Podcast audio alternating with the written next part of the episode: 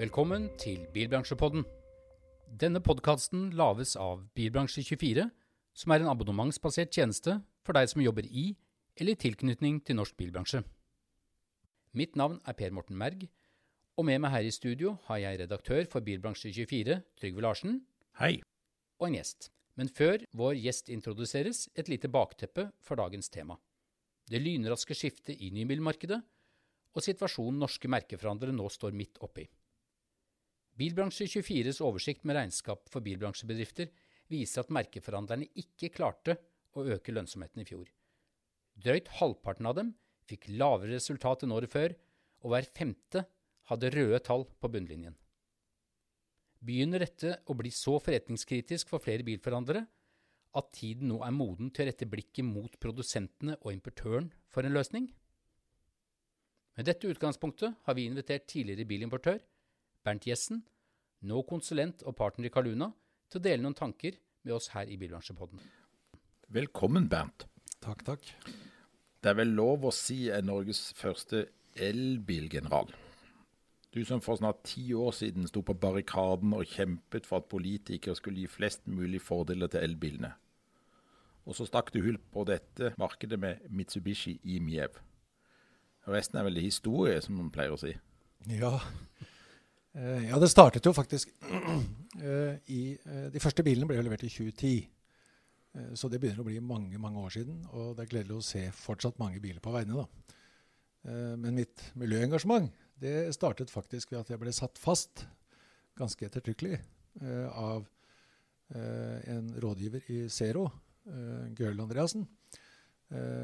og jeg fikk en mye bedre forståelse for uh, klimaproblematikken vi har i verden i dag. Uh, Kina og India med store befolkninger skal uh, gå fra fattigdom til middelklasse. De kommer til å forbruke mer osv. Utslippene kommer til å øke voldsomt. Vi i Norge med, har heldigvis bundet oss opp til Parisavtalen. Og det forplikter oss å slippe, å, slippe ut mindre CO2. Uh, og det betyr i virkeligheten at vi er nødt til å forbruke annerledes eller slutte å forbruke. Og jeg tror mer på å forbruke annerledes enn å slutte å forbruke. Og nå har det altså kommet over 250 000 elbiler til Norge, og vi er foran skjema for å nå utslippsmålet. Går dette for fort? Ja på mange måter kan man si at det går for fort. Uh, uh, bilbransjen er jo under et kraftig politisk press uh, for å få til en overgang mot nullutslippsbiler. I det kontekst går det altfor fort. Jeg har tro på at skal man lykkes med ting, virkelig lykkes Man snakker jo om elbilsuksessen i Norge. Men jeg har sagt mange ganger at det er først en suksess når også næringen, bilbransjen, alle de som jobber med bil, eh, alle de som er omkring bilbransjen, har lykkes med denne omstillingen. For det er en kraftig omstilling som næringen skal gjennom. Men Bernt, du som snakker med mange bilforhandlere, og kjenner mange. Er det flere og flere av de du snakker med nå som uttrykker en økende bekymring for at dette kan for dem bli vanskelig å komme gjennom, hvis ikke de ser at de får en eller flere ladbare eller aller helst helelektriske biler i løpet av kort tid? Ja, det er det ikke noe tvil om. Ehm, for det første er det jo fem-seks år til 2025 hvor alle biler skal være utslippsfrie. Eh, og står ehm, eh, elbilfordelene urørt fram til da, så risikerer vi jo at det blir et voldsomt mageplask også. Fordi at hvis moms og avgifter på elbil da skal begynne å innføres, eh, så vil det hemme, hemme, bilsalget totalt sett veldig. For da blir det færre som kjøper bil, hvis alle skal kjøpe elbil. Jeg tror eh, det er klokere å ha en forsiktig tilnærming fremover. Ikke, og da mener jeg eh, Jeg har jo tatt til orde for at momsen blir 5% f.eks. 1.1.2020, 10% året etter, 15% deretter osv., slik at det blir en naturlig opptrapping og ingen brutal overgang, slik man jo hadde i Danmark, hvor elbilsalget falt totalt sammen. Bilbransjeforbundet med direktør Stig Morten Nilsen i spissen har jo ved flere anledninger tatt til orde for at dette går for fort. Han er bekymret på bransjens vegne for eh, ja, bilforhandlerne, for sysselsettingen. Eh, men står han for mye alene? Er det vanskelig for bransjen uten å skulle alliere seg noe bredere og få gjennomslag for sine synspunkter? I det politiske landskap så tror jeg det er veldig vanskelig å få et nesten samlet storting bort fra 2025-målet uh, og nullutslipp.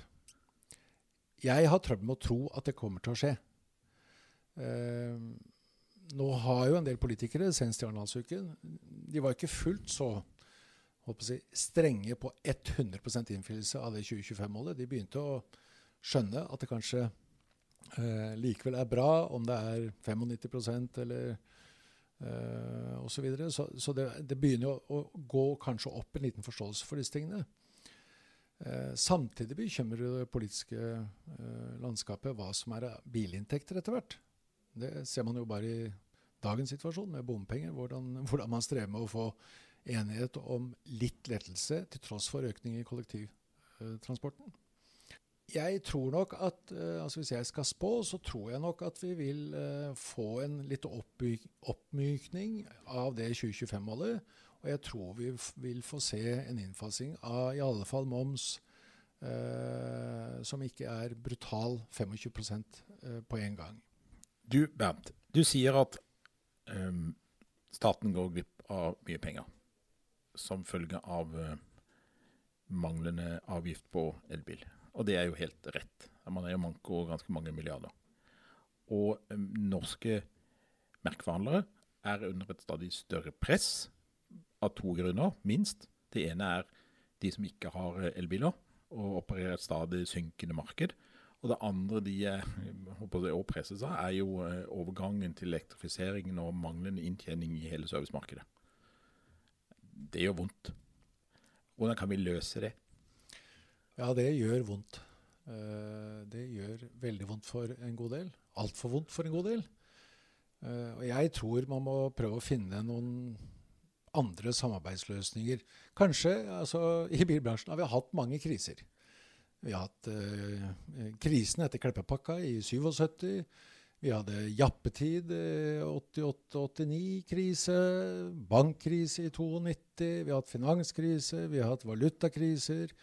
Eh, vi hadde finanskrise i 2008. Eh, det har jo vært en god tradisjon for, eh, i norsk bilindustri at bilimportører og bilforhandlere har samarbeidet godt når det har vært vanskelig. Jeg tror kanskje man må, må nå, det er klart hvis du, hvis du, er en importør av et merke som ikke har elbiler, så har jo importøren også trøbbel. Eh, det er jo ikke bare forhandlerne, men det er også importørene. Det har vi jo sett. Ikke sant? Så, så, du må på en måte eh, Men likevel da, så tror jeg veldig på at man må sette seg ned sammen, eh, finne ut OK, nå, vi, nå er vi i trøbbel. Hva, hvordan kan vi løse denne situasjonen? Så det Bernt, betyr at uh, du uh, lufter tanken nå for et slags krisefond i bilbransjen? Ja, Hvorvidt det skal være et krisefond i bilbransjen, er, Mulig det er for sterkt, da kanskje.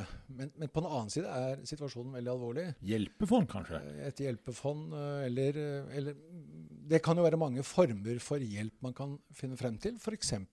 et ganske enkelt trekk er jo f.eks. å lette salgsmålene i de områdene i hvert fall, som er hardest rammet, eller der forhandlerne er hardest rammet, slik at de lettere når volumbonuser, kvalitetsbonuser og andre typer ting.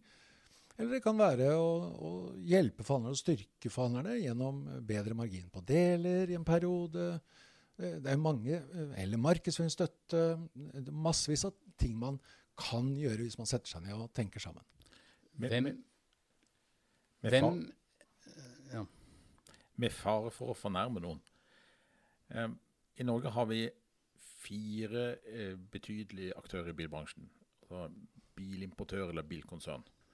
Bertelsten, Møller Mobility Group, Motorgruppen og RSA. Som også eier uh, store deler av forhandlernettverket sitt. Uh, og Felles for samtlige er vel at de har mer enn 50% av totalvolumet sitt gjennom disse her. Og så hadde vi i tillegg Toyota, med eierkonstellasjonen med Bauda. Kan de ha en mer gunstig posisjon fordi at eh, importør og forhandler er på en måte mer en, en enhet uh, enn for frittstående? Ja, det kan man selvfølgelig tenke, men jeg tror uh, i hvert fall så langt jeg kjenner til de du har nevnt, så har, de, har, disse alltid vært veldig forsiktige med å kan du si, forfordele egne forhandlere. For det går Eh, da, da forvitrer jo resten av de privatforhandlerne. Eh, så jeg, jeg, tror ikke de vil falle for den type strategi nå, selv om det er vanskelig. Eh, I min tid i motorgruppen blant annet, så var vi veldig påpasselige med å likestille. Vi syns i prinsippet alle forhandlere relativt sett er like viktige. Og forsøkte å finne løsninger sammen med dem. Vi hadde en Eh, jeg husker vi spesielt vi hadde en uh, trekant uh, som var en brobyggerplan fra uh, hvor, hvor europaproduksjon var gunstigere. Og vi gikk og ventet på en Karisma som skulle komme fra Nederland. Det tok et par år.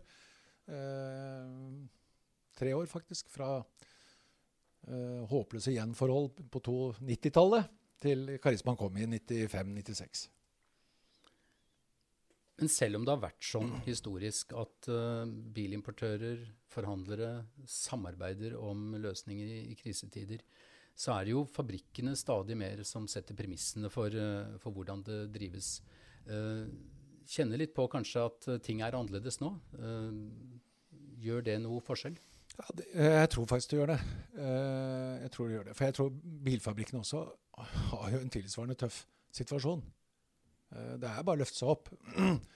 Eh, noen av de kommer til å være tidlig ute med elbiler og kommer til å nå det 95-gransmålet i 2021 lettere, mens andre kommer til å streve mer. Noen kommer til å, uh, å lykkes bedre med innfasing av elbiler i store europeiske markeder, mens andre kommer til å henge etter. Så de vil også ha en tilsvarende uh, situasjon. Uh, men nettopp derfor så er det jo enda viktigere Eh, at det Jeg kom til å tenke på en ting, faktisk. Eh, du kan jo si La meg bruke Subaru som et eksempel. Subaru lykkes i USA. USA er, har ikke de miljøkravene. Subaru går kjempegodt. I Europa med de miljøkravene så vil, vil Subaru streve, naturligvis. Og i Norge enda mer. Det er ikke unaturlig, syns jeg, at importør og forhandlere kan etterlyse tiltak fra en slik type uh, uh, fabrikk, hvis man ønsker å holde et marked i live som Europa, som Norge. Så må man Man kan ikke bare høste, uh, høste i gode tider, man må også så i dårlige tider. Så rett og slett det du sier, er at eh, bilbransjeaktører i Norge, altså eh, både importører og, og merkeforhandlergrupperinger som representerer merker som i utgangspunktet nå ikke har noe elbil, og kanskje ikke får noe i løpet av nærmeste tid, må appellere sterkt til sine prinsipaler, altså produsenter, for å få hjelp? Uten tvil. Uten tvil. Uh, og det er klart, eh, Der har vi nok en fordel i Norge, tror jeg. Altså Norske importørene har en fordel. Uh, Subaru har kjempelange for eksempel, kjempelange relasjoner til Subaru. Mitsubishi-importøren har kjempelange relasjoner til Mitsubishi. Eh, det samme gjelder Suzuki. Eh, så det er klart, de, de og så videre, de, de, er nok i en lettere situasjon eh, enn kanskje en ny fabrikkseid importørskonstellasjon som bare forventer høyere markedsandeler i Norge, liksom. uansett hva som selges her. Men du nevnte det selv, fabrikkseide importører. som ikke eier forhandlere selv. Og som kanskje har tatt til orde for å konsolidere nettverket sitt ganske kraftig. Er det mulig å få gehør hos produsenten der, hvis du sliter? Ja, jeg har jo vært i den situasjonen at uh, det var mulig å få gehør. Og, og, så viste det seg jo at uh, det ikke gikk likevel. Uh, man kan aldri gi opp. ja, det er ikke lov. ikke sant? Man, man, kan bare ikke gi opp. så man må jo jobbe for å prøve å få disse tingene til. Jeg syns jo det dog er noen gode eksempler, også på fabrikkseide importører som har eh, lykkes rimelig godt sammen med fannerne. Volvo er et godt eksempel, f.eks. Eh, så det er klart det er mulig. Men det er ikke så veldig mange eksempler. Men det er noen. Men, men hvis ikke nå en del forhandlere får førstehjelp veldig fort, frykter du eller tror du at vi kan få en høyere andel forhandlere som går med røde tall i 2019 enn det vi fikk i fjor? Ja. Over femte i år. Eh, Ja, det tror jeg. Hva, hva snakker vi om da? Kan, kan vi få en dobling? Gud forby, men, men worst case? Ja, det er ikke urealistisk det, faktisk. At 40% av norske merkeforhandlere kan komme til å gå med eh, røde tall. Ja, men 40 er kanskje vel tøft. Men, Men en eh, tredjedel, da? Men jeg, jeg tror uh, Det er jo ingenting som skal tilsi Bare for å snu litt rundt. Det er jo ingenting som skal tilsi at, det er norsk, at norske bilforhandlere som ikke har elbil, uh, plutselig skal begynne å gjøre det veldig mye bedre, med mindre man foretar seg ganske kraftige grep. da. Det er det jo noen som gjør. Uh, jeg jobber selv med noen som, eh, som eh, har iverksatt ganske eh, tøffe tiltak, rett og slett, for å finne veien videre. Men er det mulig å gjøre en snuoperasjon som er så altomgripende? Altså med å satse på mer salg og dekkhotell og smart repair og glass og hva det måtte være for noe, eh, for å kompensere for det faktum at du faktisk ikke har en ladbar bil? Som det er det markedet vil ha. Altså det er, eh, som jeg sier til noen jeg jobber med, i alle tider, i alle bransjer, uavhengig av uh, det man selger, så er det noen som lykkes. Uh, det kunne man se i Opel-organisasjonen. Det var jo forhandlere som lykkes kjempegodt, og det var forhandlere som ikke lykkes godt. Ja, uh, uten at det nødvendigvis har bestandig så mye med markedsforholdene å gjøre. I Mitsubishi husker jeg det var veldig mye snakk om krise, selvfølgelig, når bilsalget ramlet fra 1986 til, til, eh, i perioden til 92. Og en av de forhandlerne som klarte seg best, han, og han fikk spørsmål hva som er gjort. Hva har gjort? Jeg har ikke gjort noe annet. Jeg, er det krise, sier han. Jeg, jeg har ikke oppdaga at det er krise. Jeg er ikke så opptatt av at det er krise. Jeg er opptatt av å gjøre det beste jeg kan med min virksomhet. Så eh, Det er litt forenklet sagt, selvfølgelig, men i alle, alle tider og alle steder finner du noen som lykkes. Alltid. Det er snakk om å finne fram til de måten de gjør det på, tenker på, gjennomfører ting på. I, i, i eh, de siste årene så har det jo vært veldig mye snakk om at um, I gamle dager så var det jo sånn at de store spiste de små.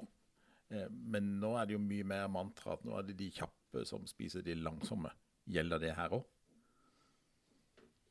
Ja, det, det er jo en voldsom posisjoneringskrig pågående. Ikke sant? Eh, det, er, det, er jo lett å, det er jo lett å se, på en måte, tror mange, hvordan bilbransjen kommer til å se ut om noen år. Er det nødvendig med bilforhandlere? Alt blir digitalisert. Kineserne kommer. De vil kanskje ikke ha noen importører.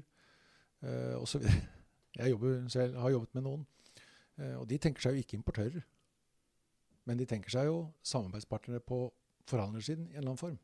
Det er fortsatt et stykke igjen du kan digitalisere eh, om å si, en bilskade eller dekkomlegg. Ja, helt klart. Helt klart. Så det er fortsatt massevis av potensial i framtida her. Masse muligheter. Takk, Bernt, for at du kom og delte noen tanker med oss. Og takk til dere som tok dere tid til å lytte på denne første utgaven av Bilbransjepodden. Så til vi høres igjen, følg med og hold deg oppdatert på Bilbransje24.